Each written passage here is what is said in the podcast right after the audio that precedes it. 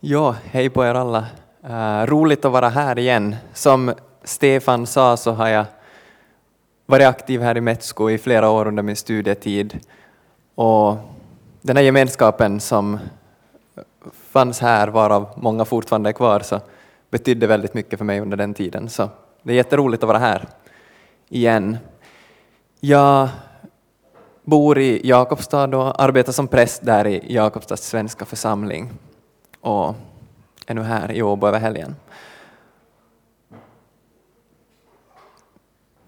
Jag har som sagt bott i Åbo i flera år. För, för sju år sedan så kom jag hit till Åbo för att studera.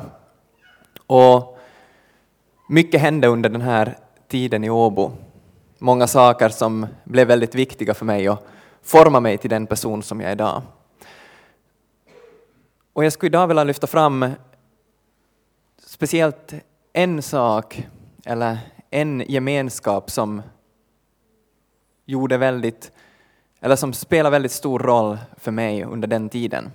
Det var så att när jag kom till Åbo blev jag ganska snabbt medbjuden i en grupp, en, en life group av ett slag, av ett gäng av äldre studerande. Och den här gruppen och, och framförallt de här äldre personerna som bjöd mig med blev jätteviktiga för mig. Studietiden var en tid i mitt liv när det hände ganska mycket.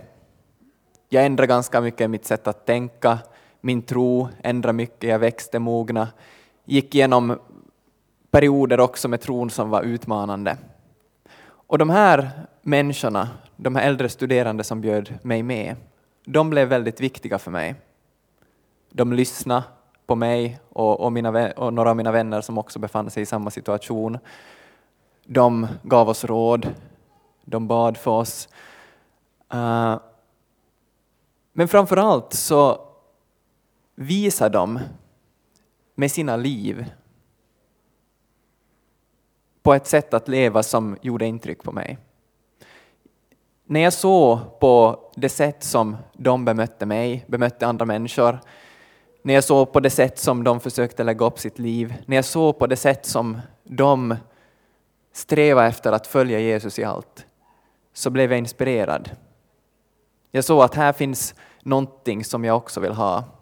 Jag fick liksom en, en riktning att sträva efter. De här människorna blev förebilder för mig. Med sina liv, med sitt lärjungaskap, så ledde de mig jag ville följa den väg som jag såg att de gick på, för jag såg att den var god. Jag såg att de följde Jesus och jag ville följa den här samma vägen. Jag ska idag fortsätta lite på det här temat som ni har haft här i Metsko, Equipping to live and lead with purpose and passion, och tala lite om ledarskap, men ur en lite annorlunda synvinkel än vi kanske ibland gör. Jag vet inte hur intresserade, insatta i ledarskap. Men ledarskap är någonting som har lite varit så här ett, kanske ett, ett modeord redan ganska länge, i flera tiotals år. Det har skrivits jättemycket om ledarskap, det ordnas kurser. Uh, och när man börjar titta på det här ledarskapet, framförallt det sekulära, men också ett ledarskap som ganska ofta smyger sig in i kyrkan, så märker man bland annat att det handlar ganska mycket om metoder, sätt att få effektiva resultat, uh, olika metoder med vilka man kan få människor att följa, göra som man vill, så att man så snabbt som möjligt ska uppnå ett så effektivt resultat som möjligt. Och det här är ju inte någonting som är dåligt i sig. Det finns mycket att hämta här, mycket som man kan ha nytta av också i församling, i kristet ledarskap. Men om det här blir grunden för ledarskapet, när vi talar om kristet ledarskap, så tror jag att vi kan hamna på fel väg. Om, om grunden blir att vi ska vara så effektiva som möjligt, att vi ska ha verktyg för att få människor att göra som vi vill, men att vi inte stannar upp och frågar oss, hurdan människa är jag? Är de visioner jag har mina visioner eller Guds visioner? Vilken väg går jag på egentligen och vilken väg kallar jag andra människor med att gå? så tror jag lätt att vi börjar leda andra människor fel. En person som är väldigt duktig på att få andra människor att följa, men leder dem på en väg som inte är god, kan göra väldigt stor skada. Så ett sånt här ledarskap där vi bara försöker få med oss andra människor utan att stanna upp och fundera på vilken väg som egentligen är god att gå, är problematisk ur en kristen synvinkel. Om vi ser på Jesus, han som jag tänker måste vara grunden för allt kristet ledarskap, så märker vi flera saker. Vi ser att när Jesus går omkring så verkar han inte vara särskilt intresserad av att försöka med alla medel tvinga människor med i det han håller på att göra. Han använder inte sina ord för att manipulera andra, för att få dem att göra det som han vill. Tvärtom så, så verkar han nästan hela tiden ha liksom lämnat öppet den här möjligheten att om inte människor vill följa honom så är det helt okej. Okay. Vid tillfällen när han säger saker som provocerar andra så frågar han till och med lärjungarna att ni då vill ni också gå som alla andra. Med andra ord, det är fritt fram. Jag tvingar ingen att komma med. Men lärjungarna stannar. Varför? Jo, för de ser att den väg som Jesus går på är god. Med andra ord, Jesus visar med sitt liv och med det han säger på en god väg att gå, ett gott sätt att leva sitt liv med goda relationer till Gud, skapelsen, andra människor. Och när människor ser det här så vill de följa, för de ser att den väg som Jesus går på är god. Och det är det här som ett kristet ledarskap handlar om, tänker jag. Eller vad vi också skulle kunna kalla ett gott och sant ledarskap. Att vara en person som med sitt liv visar på den rätta vägen och därför också kan leda andra människor rätt för att de ser att den här vägen är god. Och det här gör vi genom att följa Jesus. De här personerna som jag lärde känna i Åbo gjorde det här. De följde Jesus i sin vardag och jag kunde därför ta dem som exempel, för jag visste att de hade Jesus som exempel. Så hur kan man då vara en person som leder andra människor rätt? Om vi tittar på en av Nya testamentets viktigaste ledargestalter, Paulus, så ser vi att han gör just det här som jag pratar om. Man kan säga att i en vers så sammanfattar Paulus grunden för sitt ledarskap. I första Korintierbrevet 11, kapitel 11, vers 1. Första Korintierbrevet 11, vers 1. Där säger Paulus, ha mig till föredöme, liksom jag har Kristus till föredöme. Ha mig till föredöme, liksom jag har Kristus till föredöme. Paulus följer Jesus och därför kan han uppmana de som läser det här brevet att följa honom, att ha honom som föredöme. För han vet att poängen är inte att de ska ta honom till föredöme för att han är så bra, för att Paulus är så bra. Nej, för att Jesus är den som är bra och det är han som vi kan ha, kan ha till föredöme. Paulus ledarskap handlar alltså inte om Paulus, utan det handlar om Jesus och därför kan han uppmana andra människor att ta efter honom. För det är så att om vi försöker i vårt ledarskap visa på oss själva om vi själva är grunden, då kommer vi att leda andra människor fel. Men om vi försöker visa på Jesus, om han är grunden, då kommer andra människor tryggt att kunna följa oss och vi kommer att kunna leda dem rätt. En av de viktiga saker Jesus gör när han vandrar på jorden är ju att kalla människor att följa honom. En massa olika människor, tullindrivare, fiskare, människor från olika samhällsklasser, män, kvinnor, fattiga, rika, folk med olika bakgrund.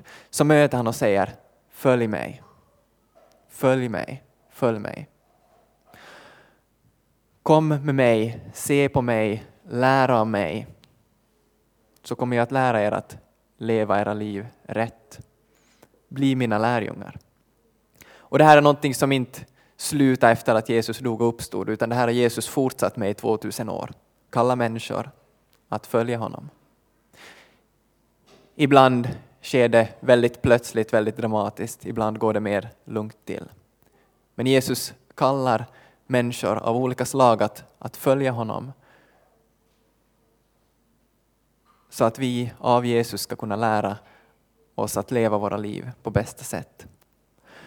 Och den här kallelsen, att följa Jesus, den här kallelsen till relation med Jesus, att vara med Jesus, den är grunden för det kristna ledarskapet. Och den här kallelsen, den räcks ju ut åt allihopa, åt var och en. Om den här, då, den här kallelsen då är grunden för det kristna ledarskapet, så vem kan då vara en kristen ledare? Jo, alla. Alla som med sina liv vill följa Jesus. För de som följer Jesus, de blir exempel för andra. De blir förebilder. De blir människor som kan leda andra på rätt väg. Om vi går till Johannes evangeliet kapitel 20, vers 21 till 22. Slutet av Johannes evangeliet 20, 21 till 22. Efter sin död och uppståndelse så talar Jesus till sina lärjungar. De som har följt honom, varit med honom och lärt av honom. Där står det, Jesus sade till dem, frid åt er alla. Som Fadern har sänt mig sände jag er. Sedan andades han på dem och sade, ta emot helig ande. Precis som Fadern sände Jesus, så sände Jesus dem ut i världen. Med andra ord, att följa Jesus kommer också med ett uppdrag. Att i den här efterföljelsen leda andra människor rätt. Precis som Jesus gjorde när han kom till jorden. Jesus sänder oss så att vi med våra liv kan visa på den kärlek, den räddning, den förlåtelse, den nåd som finns hos Gud. Vi får visa att det finns hopp och framtid för alla människor, för hela skapelsen. Och vi får bjuda med andra människor in i det livet, in i livet av att följa Jesus.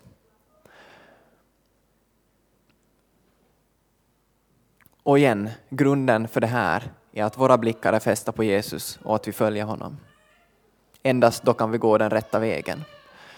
Så, för, så fort vi tappar blicken från det här, så fort vi börjar fokusera på oss själva, på det vi, allt det vi ska göra, det vi ska uppnå, också det som vi tänker att vi ska uppnå för Gud, så är det lätt hänt att vi börjar fara på fel väg.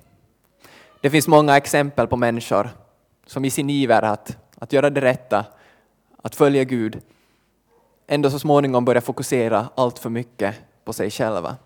Och så förlorar de liksom den här grunden. Det är så att i, i Guds rike så kommer alltid relationen före tjänsten. Med andra ord, vem vi är inför Gud är alltid viktigare än vad vi gör inför Gud. Så alltid när vår tjänst, hur rätt och god den än är, det vi vill göra inför Gud i den här världen, så fort den tar över själva relationen till Gud, till Jesus, den här kallelsen att följa Jesus, då börjar vi gå fel. Och alltid då så kallar oss Gud tillbaka till gemenskapen med honom, där vi bara får vara inför Gud. Och det här tror jag är viktigt för oss alla att ha med oss. När det vi gör blir lite för viktigt, tar över, så får vi komma tillbaka till Jesus bara för att vara. Ni minns Petrus som misslyckades ganska rejält när Jesus korsfästes. Han förnekar Jesus. Och vad gör Jesus då sen efter uppståndelsen? När han har ett sådant samtal med Petrus Kanske vi kan kalla det ett sånt här utvecklingssamtal. De går igenom lite vad som har gått snett i Petrus ledarskap. Vad är det Jesus frågar? Frågar han eh, Okej okay, Petrus, har du lärt dig din läxa? Ska du göra bättre ifrån dig nästa gång? Eller Petrus, hur ska vi göra för att ditt ledarskap ska fungera bättre nästa gång? För att inte du ska göra om det här misstaget, för att vi ska bli så effektiva som möjligt. Jesus ställer inga sådana frågor av Petrus, utan den han frågar är Petrus, älskar du mig? Petrus, älskar du mig? Petrus, älskar du mig? Han kallar med andra ord Petrus tillbaka till relationen. Den är grunden. För Jesus vet att om den grunden håller, då kommer Petrus ledarskap också att fungera. Och det kan vi se sen efter att det gjorde det. Så vi kallas alltså att följa Jesu exempel och på det sättet med våra liv leda andra människor rätt. Och det vi kommer att märka när Jesus blir grunden för vårt ledarskap och vi följer honom, att det här ledarskapet ser ganska annorlunda ut än världens ledarskap. När vi följer Jesus så kommer vi att börja leda på det sätt som Jesus gör. Och det finns ett ställe i Bibeln där Jesus tydligt demonstrerar för sina lärjungar att det här är den typ av ledarskap som jag kallar er in i. Det hittar vi i Johannesevangeliets trettonde kapitel. Johannes evangeliets trettonde kapitel, verserna 3-5 och 12-15. Eller verserna 3-15. Vi hoppar lite där i mitten.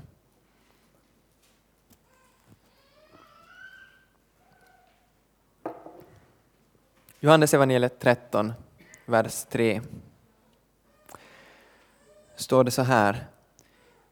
Jesus visste att Fadern hade lagt allt i hans händer och att han hade utgått från Gud och nu återvände till Gud. Han steg upp från bordet, tog av sig manteln och band en handduk om livet. Sedan hällde han vatten i tvättfatet och började tvätta lärjungarnas fötter och torka dem med handduken som han hade bundit om sig. Så fortsätter jag vers 12. När han hade tvättat deras fötter och tagit på sig manteln och lagt sig till bords igen sade han till dem.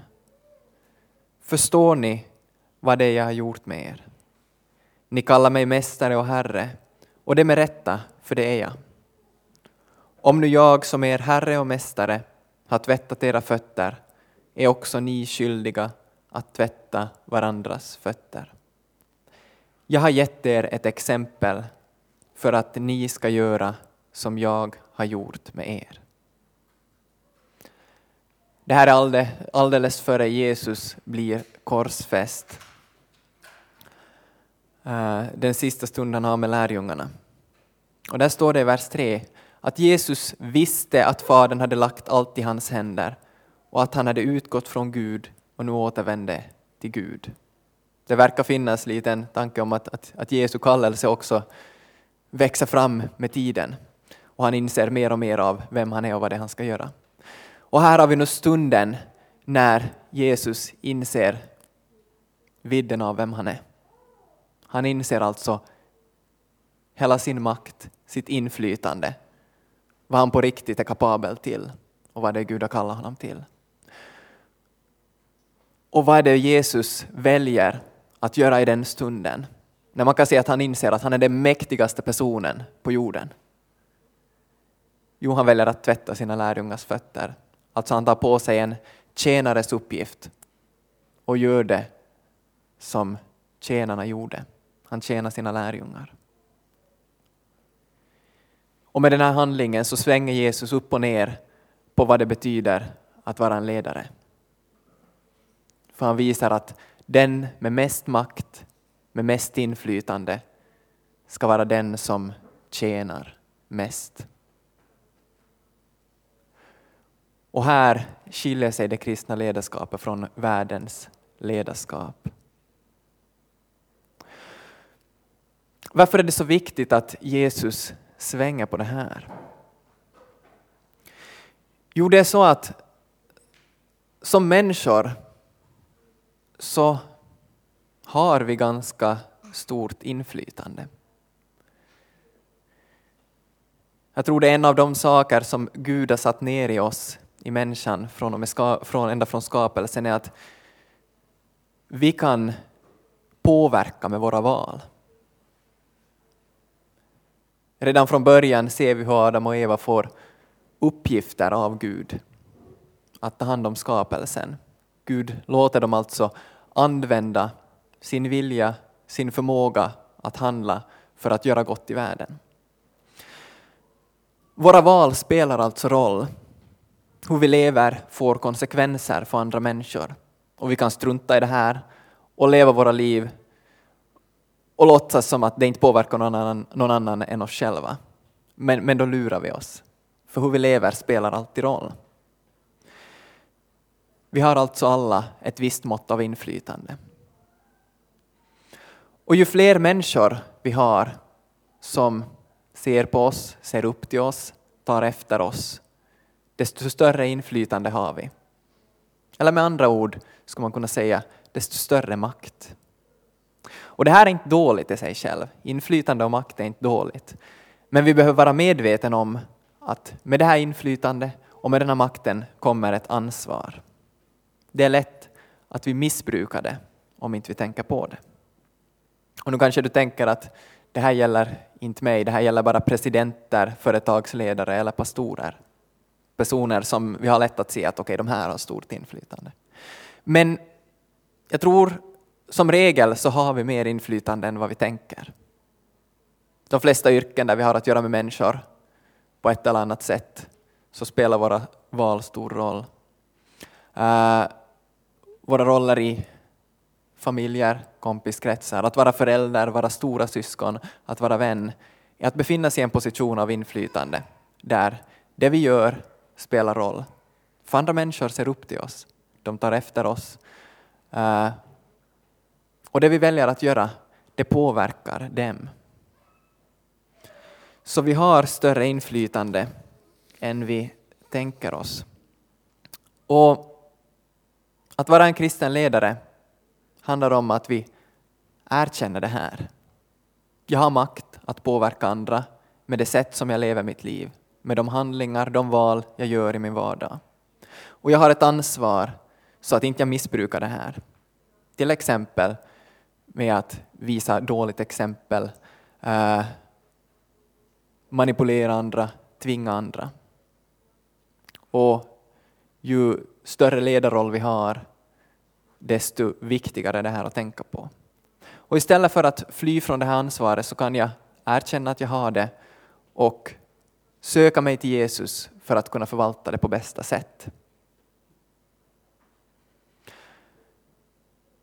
Jesus säger att här att han är ett exempel som vi får följa när han tvättar sina lärjungars fötter.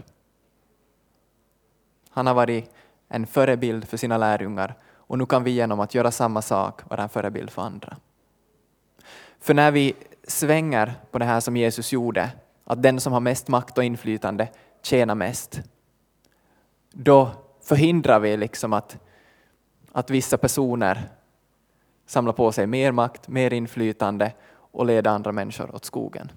Om det alltid skulle vara så att de som har mest makt tjänar mest, så tror jag att de flesta gemenskaper och samhällen skulle funka mycket bättre. Så genom att följa Jesus och ta hans exempel, tjäna de människor jag har runt omkring mig, då kommer jag att leda andra människor på rätt väg. Det kommer att vara tryggt för dem att följa mig, för jag kommer att leda dem på en väg av tjänande, av kärlek, av barmhärtighet, självuppoffrande. En god väg. Och jag tror att när andra människor ser att jag går den här vägen med min blick fäst på Jesus, då kommer de också att vilja följa den, för de ser att det här är en god väg att gå. Och då är jag en ledare som med mitt liv, med mitt exempel kan leda andra rätt.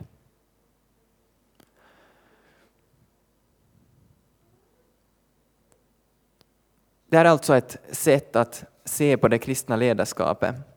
Och jag skulle här till sist vilja säga någonting om vad det här kan innebära i praktiken så att det inte bara lämnar som en abstrakt idé. hur kan jag leva mitt liv i Jesu efterföljelse så att jag formas till en sån här ledare som tryggt kan leda andra människor rätt. Och jag skulle vilja lyfta fram tre saker eh, som inte går att skilja från varandra utan som samverkar med varandra, men tre perspektiv som jag tror är avgörande. Anden, övning och gemenskap. Jag tror att vi behöver alla de här tre. För det första anden, den heliga ande som är grunden för det här. Om vi återvänder till Johannes kapitel 20, vers 21-22, som vi redan läste i början. Efter att Jesus har sänt sina lärjungar. Som Fadern har sänt mig sände jag er. Sedan andades han på dem och sade, ta emot helig ande. Jesus vet att utan anden så kan de ingenting göra. Guds ande bor i oss och formar oss så att vi blir mera lika Jesus. Vi, har allt, vi behöver inte alltså ha kontroll över att vi ska bli sådana perfekta personer som andra människor kan följa. Utan när vi har våra blick, vår blick fäst på Jesus, när vi vårdar vår relation till Jesus, då verkar Anden i oss och gör oss mera lik Jesus. I Romarbrevet kapitel 12, vers 2 så står det Låt er förvandlas genom förnyelsen av era tankar. Romarbrevet 12 kapitel 2. Låt er förvandlas, säger Paulus. Det är alltså någonting som Gud gör i oss. Och därför blir relationen till Jesus avgörande. Tiden med honom, tiden i bön, i tillbedjan, inför ordet, eh, tystnaden, avskildheten. Olika sätt att vara inför Gud. Då gör Gud sitt verk i oss. Så det är anden. Men anden behöver inte sättas i motsats till övning, som jag valt att kalla det idag. Det här betyder inte att vi behöver vara passiva, luta oss tillbaka. Ibland tänker vi att nåden är motsats till att vi skulle få anstränga oss, men så är det inte. Nåd är inte motsats till ansträngning, utan till förtjänst. Nåden visar oss att, att ingenting av det här är vår förtjänst. Det handlar alltså om en attityd. Men vi får handla, vi får anstränga oss, vi får öva oss så mycket vi vill. Gud hindrar inte oss där. Eh, I Filipperbrevet kapitel 2, vers 12-13 så tycker jag Paulus beskriver den här spänningen mellan det vi gör och det Gud gör på ett bra sätt. Där skriver han i Filipperbrevet 2 kapitel 12-13. Därför mina kära, ni som alltid har varit lydiga, arbeta med fruktan och bevan på er frälsning, inte bara så som när jag var hos er, utan ännu mer när jag är långt borta. Ty det är Gud som verkar i er, så att ni både, ni både vid vilja och gärning förverkligar hans syfte. Paulus säger, arbeta med fruktan och bevan på er frälsning. Viktigt att notera att det är inte för er frälsning, det är Gud som gör det. Men i det som vi har fått så får vi arbeta. Men samtidigt så säger han i, i nästa mening, varför? Jo, för Gud verkar i er. Vi får arbeta, inte för att vi kan göra oss själva bra, utan för att Gud verkar i oss. Vi får med andra ord göra det vi kan, men lita på att det är Gud som verkar. Vi behöver inte lita på att det vi gör räcker till, men vi får lita på Gud. Eh, och vad betyder det här? Jo, det betyder alltså att vi inte behöver vara rädda för att konkret ta steg för att öva oss i att tjäna andra människor, uppmuntra andra människor, hjälpa andra, eh, leva våra liv ansvarsfullt, till exempel genom att konsumera ansvarsfullt. Eh, jag menar, ta vårt ansvar i pandemins tid som vi har nu. Det är också ett sätt att visa exempel med våra liv. Eh, en tid när, när vår skapelse är i kris så får vi ta vårt ansvar för att göra det rätt också där och visa att det här är Guds värld som inte han har gett upp hoppet om. Eh, och vi får tro att någonting händer med oss när vi gör det. Uh, vi får tro att någonting händer för dem som ser på, som tar exempel och vi får tro att de här handlingarna spelar roll. Inte för att de är tillräckliga i sig själva, utan för att Gud är den som verkar i oss och i världen.